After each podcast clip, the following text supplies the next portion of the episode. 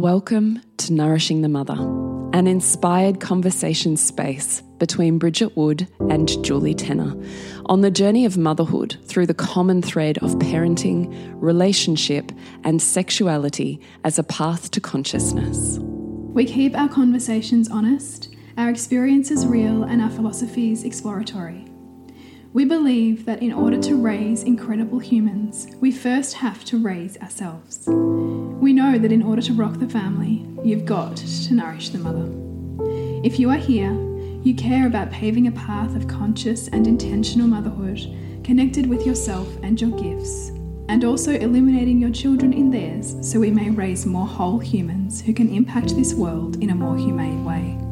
If you desire to integrate your learnings practically and supportively, head on over to bridgetwood.life or julietenner.love to go deeper. And for all live streamed, pre release podcasts and all our free content, head over to our free Facebook group, Nourishing the Mother with Bridget Wood and Julie Tenner. We are Julie Tenner and Bridget Wood, and we are so grateful you're here. Hello, and welcome to Nourishing the Mother. I'm Bridget Wood. And I'm Julie Tenner. And today's podcast is setting up an easy back to school. And we want to make it super duper easy for you, don't we, Bridge? We do, we do, because I think once you you just get past New Year and you get past like, you know, the holiday vibes and you like start to sink into the the looming mountain of responsibilities. And we want to take the edge off that mountain, don't we? That's so well said. so well said. So, what we have with our mum wisdom, and you know, both of us love to always contemplate how can we make life more easeful. Mm. So it's never just this idea of the pack horse that just keeps adding on more. But when we go, all right, how could this look different? How could this be more easeful? If this were easeful, what would it look like? So Bridgie and I are constantly refining our own lives in mm-hmm. all of the different areas and categories, mm-hmm. virtually through these questions or self assessments. So here's what we've applied with our knowledge and skill set and what we do to set up an easy back to school. It's four steps and we want it to be super duper easy for you. So the mental load can just kind of evaporate and leave you alone. Yes. Don't we all want that for the start of school? Don't we? So, number one is get the gear sorted. Yes. So what you don't want to be doing, uh, you know, two days before is scrambling, realizing you don't have enough tops, or you're missing bloomers or socks, or all of the necessary things that you know your kid needs to feel good at the start of a new school year, and what you need to feel less frazzled. So that means at least two to three weeks out, you're looking at have I got all the uniforms in the right sizes for, the, for what they need this year? Do they have the runners that they need? Are they happy with their lunch boxes? Is it going to suit the kinds of lunches that I want to pack for them? Do we have all of the book list sorted and the stationery? Are there is there anything I haven't thought of yet, you know, above and beyond those basics? Totally. And is everything labeled? That's the big one too. Is everything labeled? Lo losing jumpers is a pain. Oh, such a pain, especially when they're blazers and they're like $300 or yeah. something like that.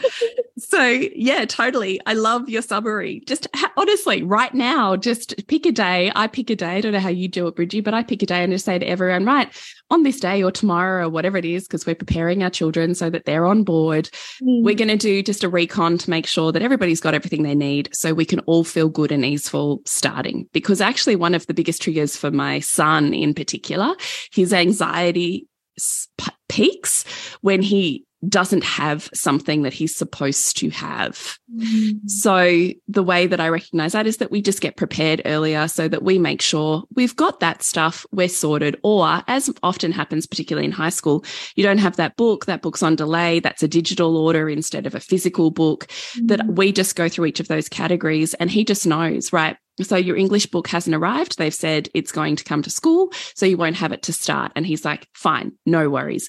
So it's, he knows, yes. So it's all of those things of just making sure that you're setting your child's nervous system up for a really clean start because there's nothing more frazzling to anybody's nervous systems. Yours is a mum, mum mode and mental load and there's just as the child trying to enter an experience that is you know i still think school is hard like having to show up and be you and and navigate a closer knit community with all of the trials and tribulations that come through friendship and growth and learning and development. And like I do think it's hard. Yeah. So how can we set them and us up so that we're just going oh okay set it and forget it. It's sorted. Move on. It's all there it's all yeah. packed sorted labeled ready to go easy and the beautiful thing about doing this couple of weeks out is it is it becomes really integral to their own transition process as well. So anything that you know you sense that they might be struggling with or or like you know ruminating around, you get like a you know bit of an early heads up on that, and you get to have mm-hmm. room for the conversations, and you get to have you know more spaciousness in preparation for that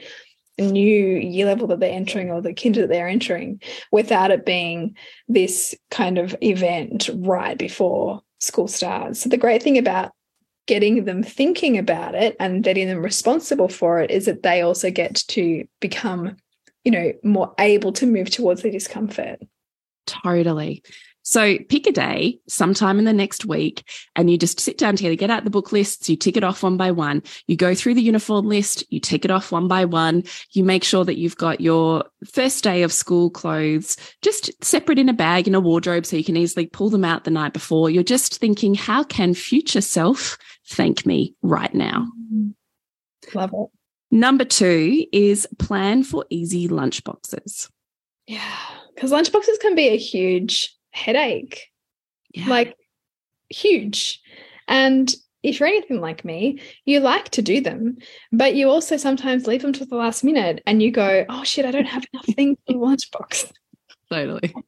so I suggest you start the year with a bit of a recipe. Maybe you could even be like recipe testing stuff. Like, you know, if you want to put like slices in there that you want to make, you know, even involve your child in like, you know, what kind of snacks do you want in your lunchbox this year?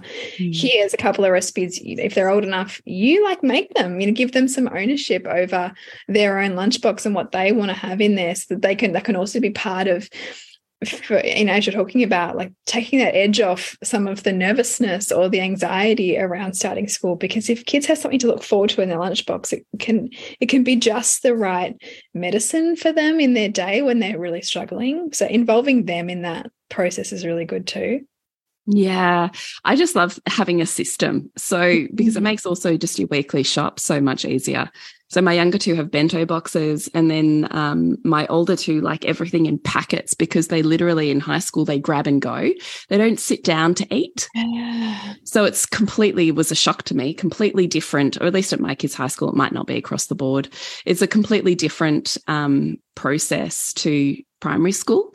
Now, as my eldest two are entering VCE and they start to have lunch rooms and access to microwaves and sandwich presses and things like that, I can see that that is shifting and coming back again, which is lovely.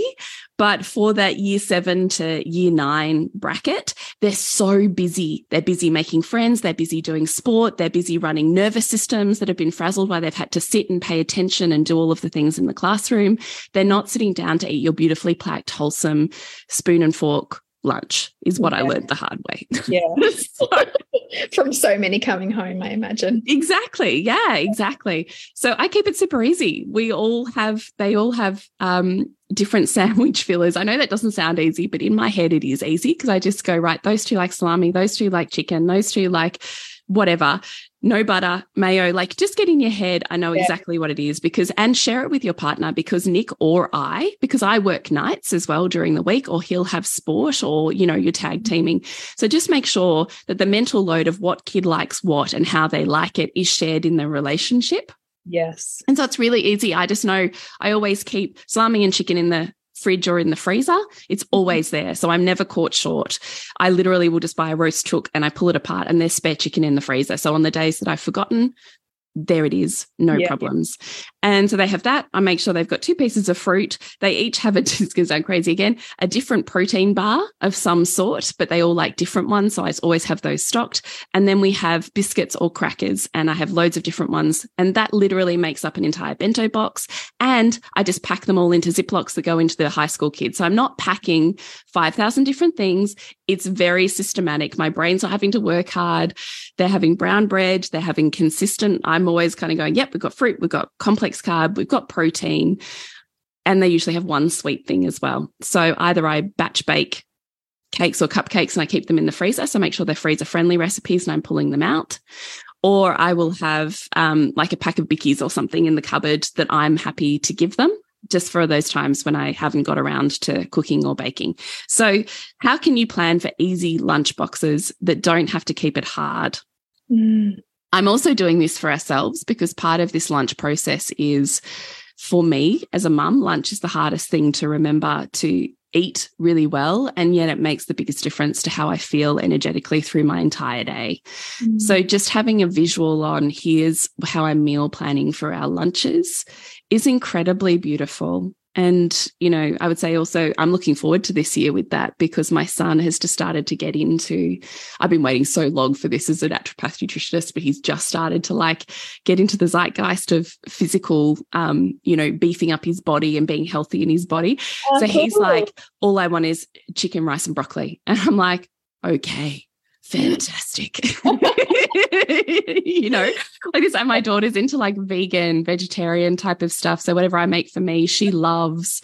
So I'm really looking forward to this year because I can see that the lunchboxes that I don't find inspiring but come home eaten yeah. is almost by the time they get to VCE, I'm on the other side of that going, they're eating what I'm eating. And so this whole meal prep has just become more exciting and inspiring to me. Mm. But it mm. gets to be exciting and inspiring when you have a system and you have a plan and you're not afraid that you're having the same thing every day for five days because that's how it is sometimes and i don't think that kids worry about that stuff yeah it's true and it's, it's usually us it's like oh i should change it but if they're if they're on a winner no. they're on a winner yeah, it's consistent they know what to expect they know exactly what's in their lunchbox and they open it up this podcast is brought to you by what we have going on in the world that you can jump in on. And Bridgie, what's there for you? Yeah, so it's reimagining motherhood. Really, it is a space for supporting you to integrate conscious parenting alongside the whole woman that you know you are and really integrating so many of those disowned parts that we are called to remember as mothers and on our parenting journey. So you can find out more about that at bridgetwood.life. And you, Jules? you can grab my sexy Christmas date. So, what you get is an easy to follow, sexy and sensual couples date that comes with a 20 minute guided tantric date workshop video that you get to follow along, press play and follow along. You can gift your partner a special experience or gift each other. Comes with a downloadable PDF guide and a whole heap of sexy playlists. And you can find out more about that at julietenner.love forward slash sexy Christmas. So don't be afraid to keep your lunchboxes just mental load friendly. That mm. might mean I know every week, like me, I'm just getting brown bread, chicken, salami. Have I got a cracker? Have I got a bar? Have I got something sweet that either I've made or is in the fridge? And have I got fruit? Easy. Every week, mental load no longer done. It's just like an automated check the list that happens on the on the shopping list or can i create what i'm eating during the week and create batch like three or four days in ahead that myself and maybe my older kids are eating or my younger kids if you know they're in primary school and they're really happy to sit there and do that too so just how can you make the easy lunch boxes so easy that it's nourishing for you on a mental load level and your body mm. beautiful the last one was give yourself permission so that more. We had one more. Can I interrupt? That? Oh yeah, you can. Yes. Number oh, three was we did. We did. We did. Sorry. Go ahead. Yep. Number three was easy meal planning. Yeah. And the reason we want this is because we all know, like, oh God, everyone has to eat. It's so annoying, like every night. God, and it's, it's so annoying. And it's always at the time of the night when you're the most tired mm. when the, there's the biggest emotions and when nobody can be bothered moving anything. Yeah. Like it is such a shit show, really, that it happens at this cataclysmic time where you're like, it's the worst time in the world to have a meal. Yeah, when everyone's just like, you know, at each other or they're just yeah. like flaking out. They're overly ah. hungry, overly tired. You can't be bothered. Like it is such a melting point. Yeah. So I just think one of the best survival things, not even survival, but thriving things as a mum is just how can I batch cook? How can I put throw something in the thermo or the slow cooker or the oven and not think about it. Like how easy can i make my meal planning? Can i plan my definitely can i plan my meals a week in advance and do one shop so i'm not having to fit into my day going to the shops every day and going yeah. what am i cooking today? It is such a waste of your mental space. Mm -hmm. do it once do it well and how can I batch cook? So if I'm cooking one lasagna, it's just as easy for me to cook two, and there's one in the freezer, and future self will thank me. Yes. Yeah. And that's such a big thing because you're already doing all of that anyway. And so how can I just double it? Or totally, yeah. that's how I do it. That's totally how I do it. Mm. So, how easy can you make meal planning? Because we really want it to be a time where you can free yourself up some emotional, physical space and rest more. So, you can be more present to your kids and their feelings. So, mm-hmm. you can be more present to yourself and your feelings and to your relationship. So, just let's make meals easier. And also, too, I would say that, you know, if you're really over it or if you feel burdened by this task, you know, how can you either upskill your kids or begin to upskill your kids if they're old enough? I know that's something that you started quite young, Julie. And also, how can you like ask your partner to step up and cook on the weekends or, you know, do like take responsibility for one of the batch cooks so that it's not just by default always on you. Oh my god, yes, I love that you said that. Yes, again, like like from the start of our podcast, how could this look different? Yeah. How could this look more easeful? And yeah, you're totally right. By the time my kids are in grade six, the expectation is that in grade six, you're cooking, you're responsible wholly and totally for a meal a week. And that continues on for the lifetime that you're in the house. So my eldest two both cook a meal each a week. My husband cooks on the weekends. So I'm only cooking three meals a week. Yeah, which is great. It's really makes it way more shit easy. Well, and you have to be careful. You have room to cook for pleasure then, as opposed to constantly cooking for just responsibility. Yeah, totally. Yes. And just how could this look different? Can I do takeout on those nights? Can I just literally, it's, you know, it's breakfast for dinner on those nights. We've had foraging nights where it's just, you can have anything you want. You guys just have to get it for yourselves from the cupboard. Yeah. Can you teach your kids to make eggs or an omelette or, you know, something that's so easy that it's always like, there's the meal that we do when there's nothing else, we always buy the like um we always have a set of fresh pasta sitting in the freezer. So on those nights where we've got like nothing to give and we've been out yeah. all day, in goes an eight minute pasta and a pasta sauce. Okay, I can let go of the fact that it's not a perfect nutritionally balanced meal because they are the majority of the time and it's the 80 20 rule. So, how can you let some shit go to just simplify what's happening? Because the truth is, do you really have to do it? And, and also, is it the best use of your time? Well, that's where I wanted to go to next because so often we can get in this trap of feeling so burdened by the responsibilities of motherhood that we and we crowd out our crowd out room for ourselves and our creativity or what drives us. And so then we mm, end up in a mm. resentment cycle of you know toward all that's expected of us not actually realizing that there's room to pivot there. There's room to for it to be different. Yes Yes, exactly. Love I, it. Am I kind of like, am I dying by my own sword here? Yes, exactly.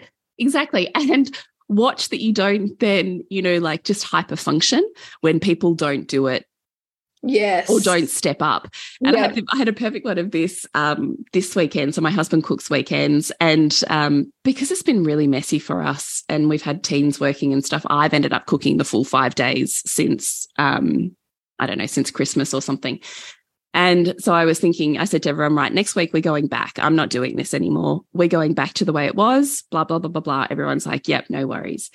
And then the weekend happened and um, I needed to, I was doing some work and I can't, I still can't swim and go to the beach and stuff like that because of my surgery. So I can't take the kids to the beach at the moment. And it was a beautiful day. And so my husband and I said, yeah, you take the kids to the beach. I'll just drive you and pick you up. And then we don't have to worry about parking. Super easy. You know, I'll go for a walk and take my daughter paddleboarding, but I can't sit on the beach and I can't swim with the younger girls. So it's best that you do that job and I'll stay home and do other stuff.